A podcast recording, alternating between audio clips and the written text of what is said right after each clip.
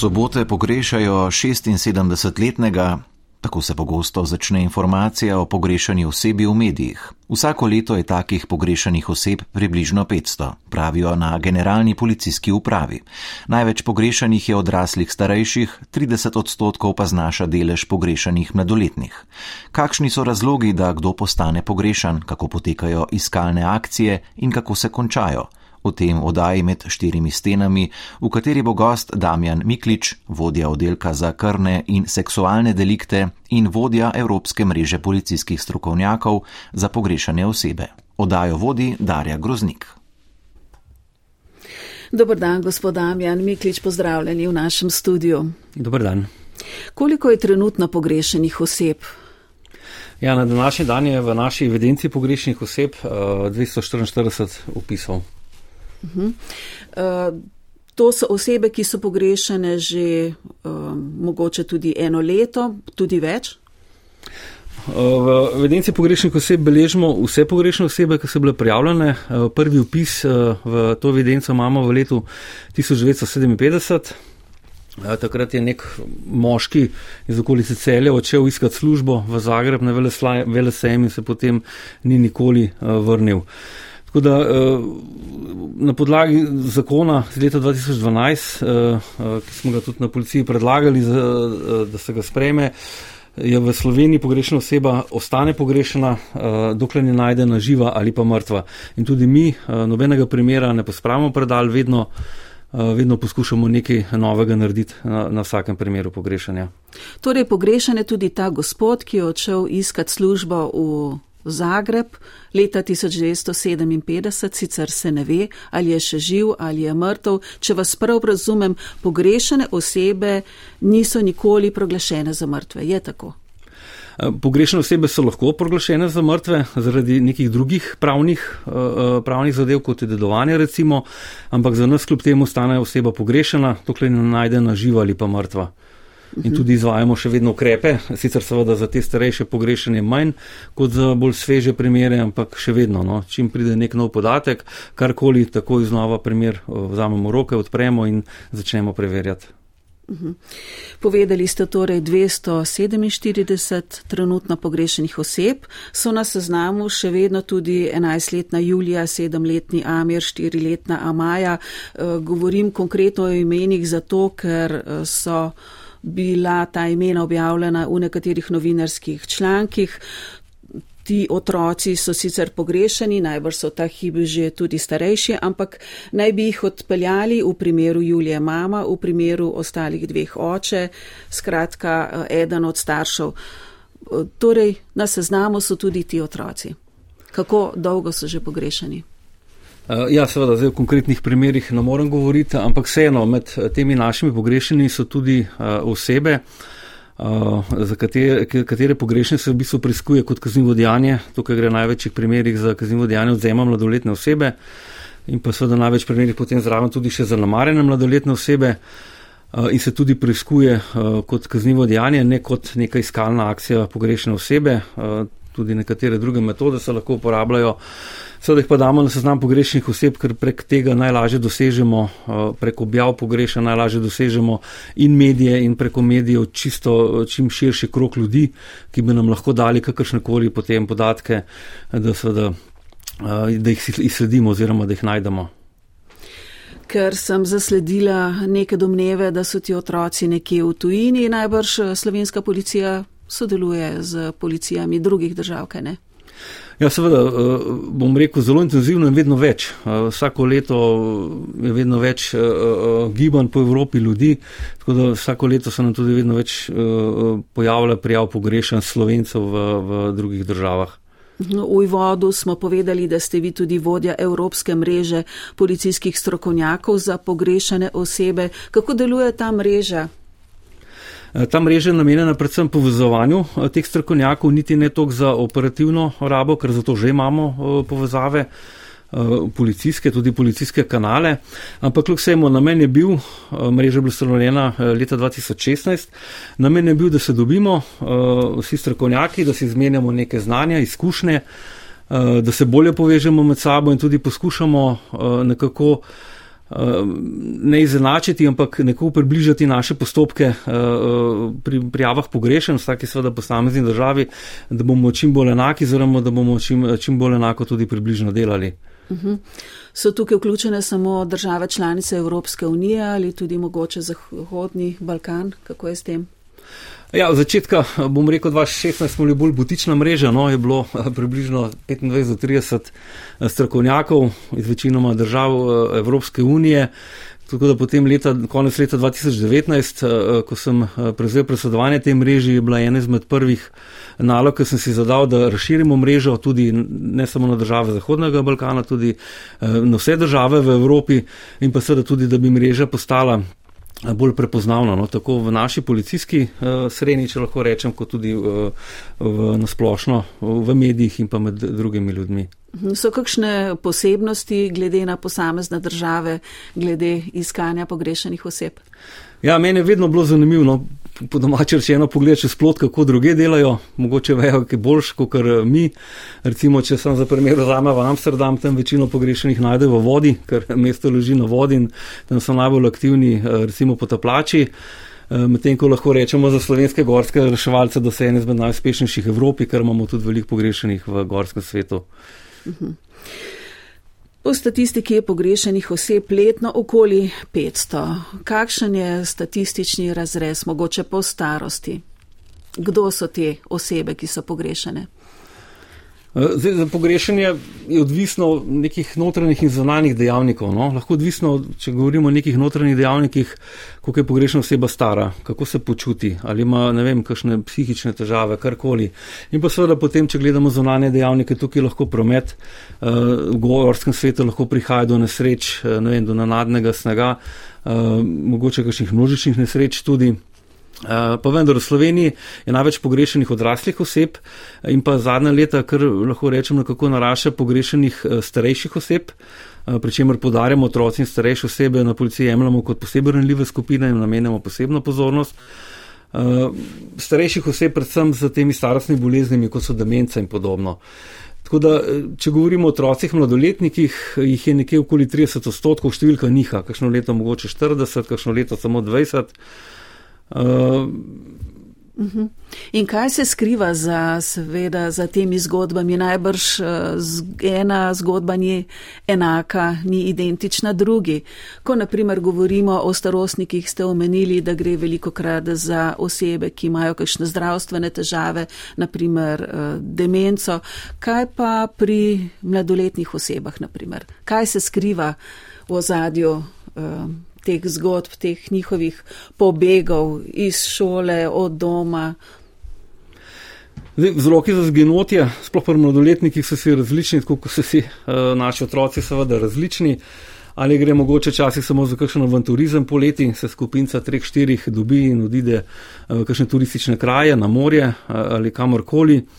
Lahko se seveda pa se skrivajo bolj globoke zgodbe, uh, lahko so kakšne nesoglasja ali v družini, ali pa med sovrstniki, uh, lahko prihaja tudi kakšnega uh, psihičnega ali celo kakšnega drugega vrstega nasilja nad, uh, nad uh, temi otroci oziroma mladostniki. Lahko gre za nesrečno ljubezen.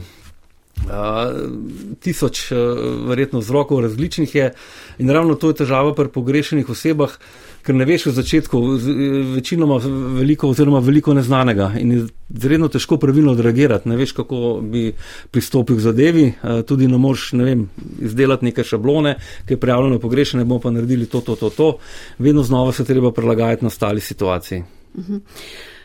Začne se seveda s prijavo, da je nekdo eh, pogrešan, bodi si odrasel ali pa otrok.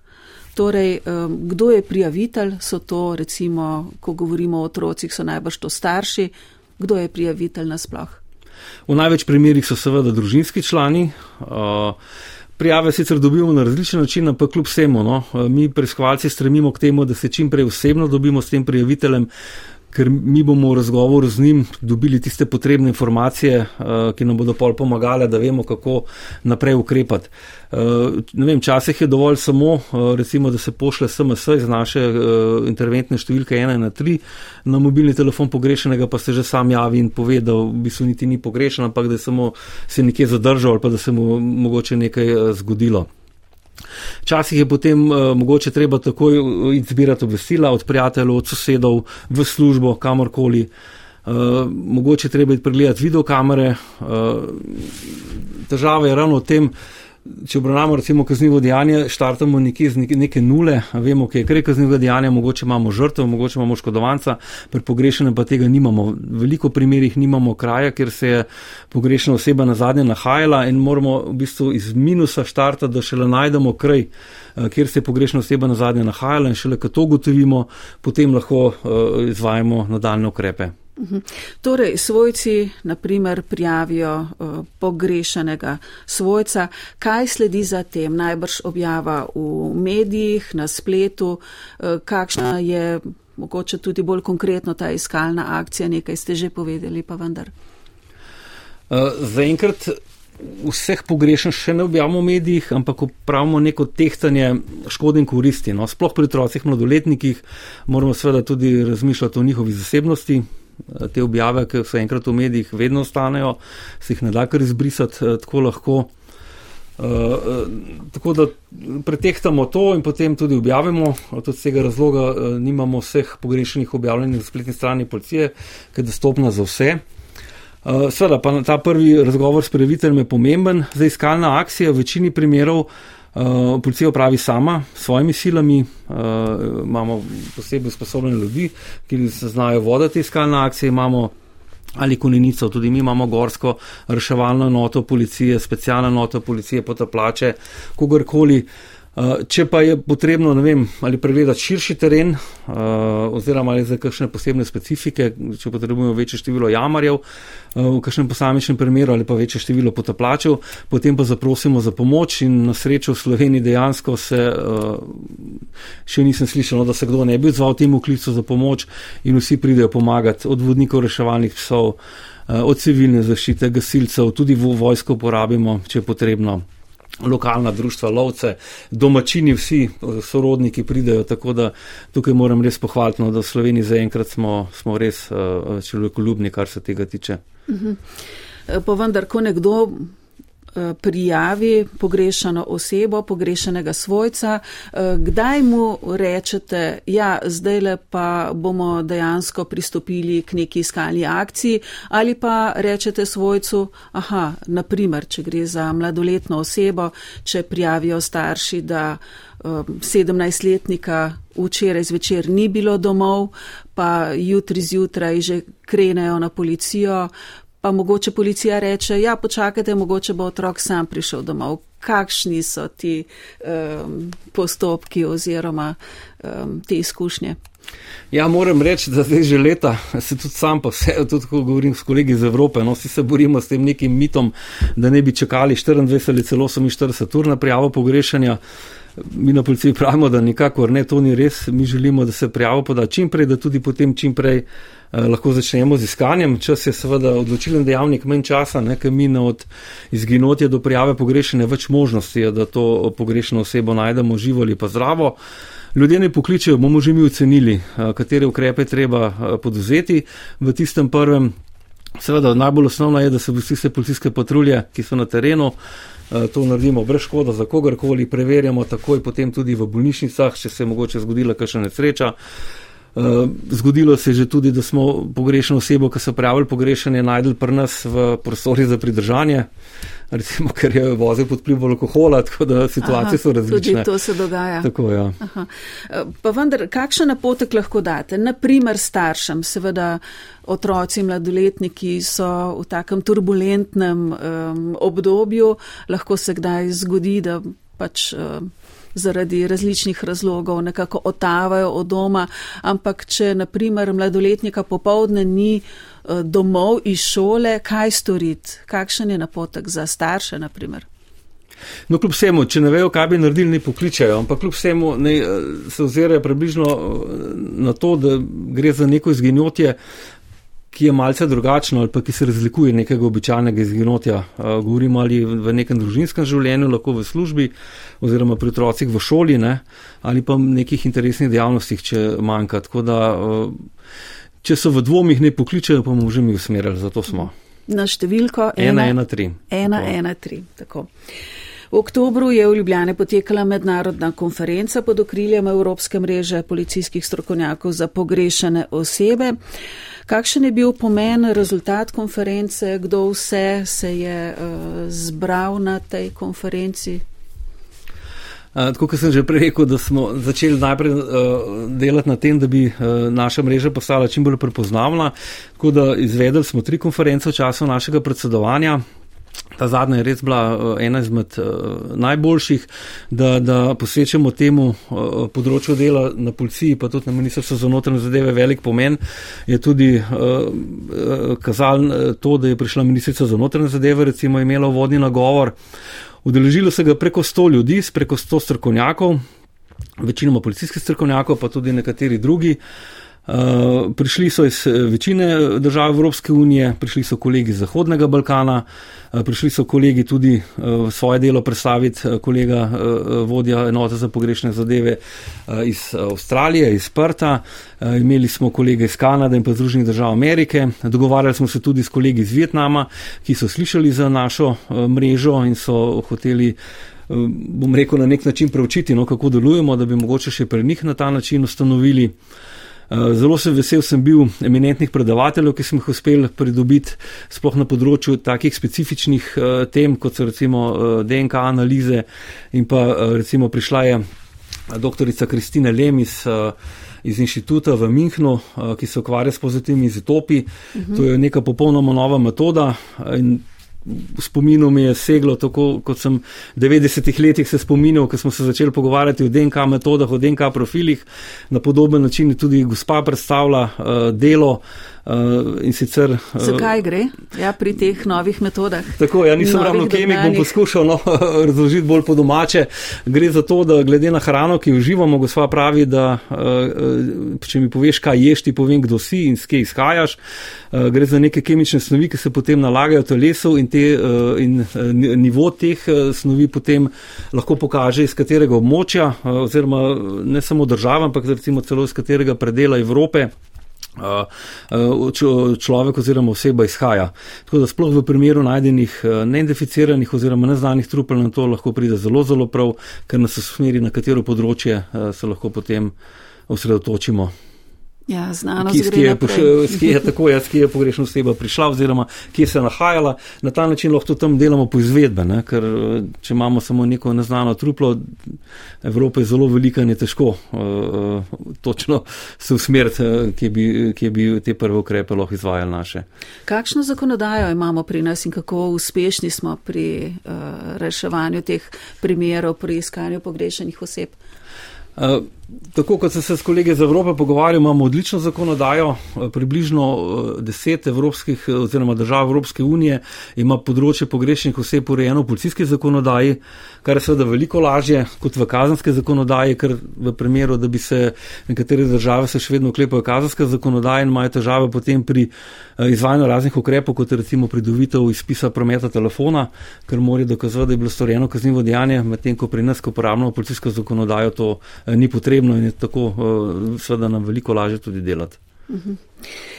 Povedala sva že, 113 je telefonska številka, ki jo lahko pokličajo tisti, ki pogrešajo svoje svojce, bodi si, da gre za odrasle osebe ali pa za otroke in potem uh, policisti sami um, presodijo in potem iskalna akcija, skratka, krene, lahko pa se pogrešani sami vrnejo domov, kaj ne? Eh, ja, tudi to se dogaja, ampak kljub vsemu, no, eh, to je še en drug mit, eh, da ne bi se pogrešene osebe same vrnile domov in posledično niti ne bi bilo smiselno, da policija zvaja kakšnih ukrepov. Ampak to ne drži. Nekje tretjina se jih mogoče sama vrne domov, ampak med te štejemo tudi tiste, ki jim pošljemo recimo SMS, da ne se javijo, da jih policija išče. Ne? In je to nek uh, povod, uh, da jih rekovajo pošlje domov. Uh, tretjina oziroma dobra tretjina jih najde policija s svojimi aktivnostmi, pa tudi potem nekaj tretjina jih najdejo svojci, sorodniki, ki tudi sami uh, po prijavi recimo iščejo to pogrešeno osebo. Uh, nekaj, nekaj odstotkov jih najdemo v ustanovah zdravstvenih, lahko zaradi poškodbe ali zaradi kakšnega drugega bolezenskega stanja. Žal se pa uh, nekaj odstotkov pogrešen kot ša uh, tragično, s smrtjo. Tukaj lahko obravnavamo samomore, lahko obravnavamo neke nezgode, predvsem v gorah ali pa kakšnih težjih terenih, lahko prihaja tudi do nekih nezgodnih smrti. Uh, ali pa recimo samo človeka zadane kap uh, in ker se navrne domov, ga potem uh, pogrešajo. Kakšen primer, na srečo ne veliko v Sloveniji, no se pa tudi, uh, uh, se tudi obravnava kot uh, kaznivo dejanje prekritega umora, ker pa seveda storilec trplo skrije in nam je seveda toliko težje potem uh, raziskati pogrešeno oziroma celo kaznivo dejanje. Je mogoče več pogrešenih oseb oziroma več takih primerov v kakšnem določenem uh, letnem času ali to ne vpliva? Smo tudi to že preštevali, pa pregledovali, pa ni kakšnih statističnih velikih razlik. Ni, no. Mogoče poleti bolj izstopajo mladostniki, da so bolj pogrešeni, po drugih letnih časih starejši, ne, uh, ampak velikih statističnih razlik ni. No. Dobro, gospod Damjan Miklič, hvala lepa za vaše odgovore. Ponoviva pa še enkrat napotek eh, za vse, ki naprimer pogrešajo ali pa bi pogrešali svojega svojca, bodi si odraslega ali otroka, torej kaj naj storijo. Eh, v bistvu treba poklicati 113 oziroma na policiji smo dosegljivi po katerem koli eh, komunikacijskem kanalu, tako da tudi če pošljajo navadno pismo, bomo to upoštevali in odprli preiskavo. Hvala lepa. Z mano v studiu je bil Damjan Miklič, vodja oddelka za krvne in seksualne delikte in vodja Evropske mreže policijskih strokovnjakov za pogrešane osebe. Hvala za obisko studiu. Prosim.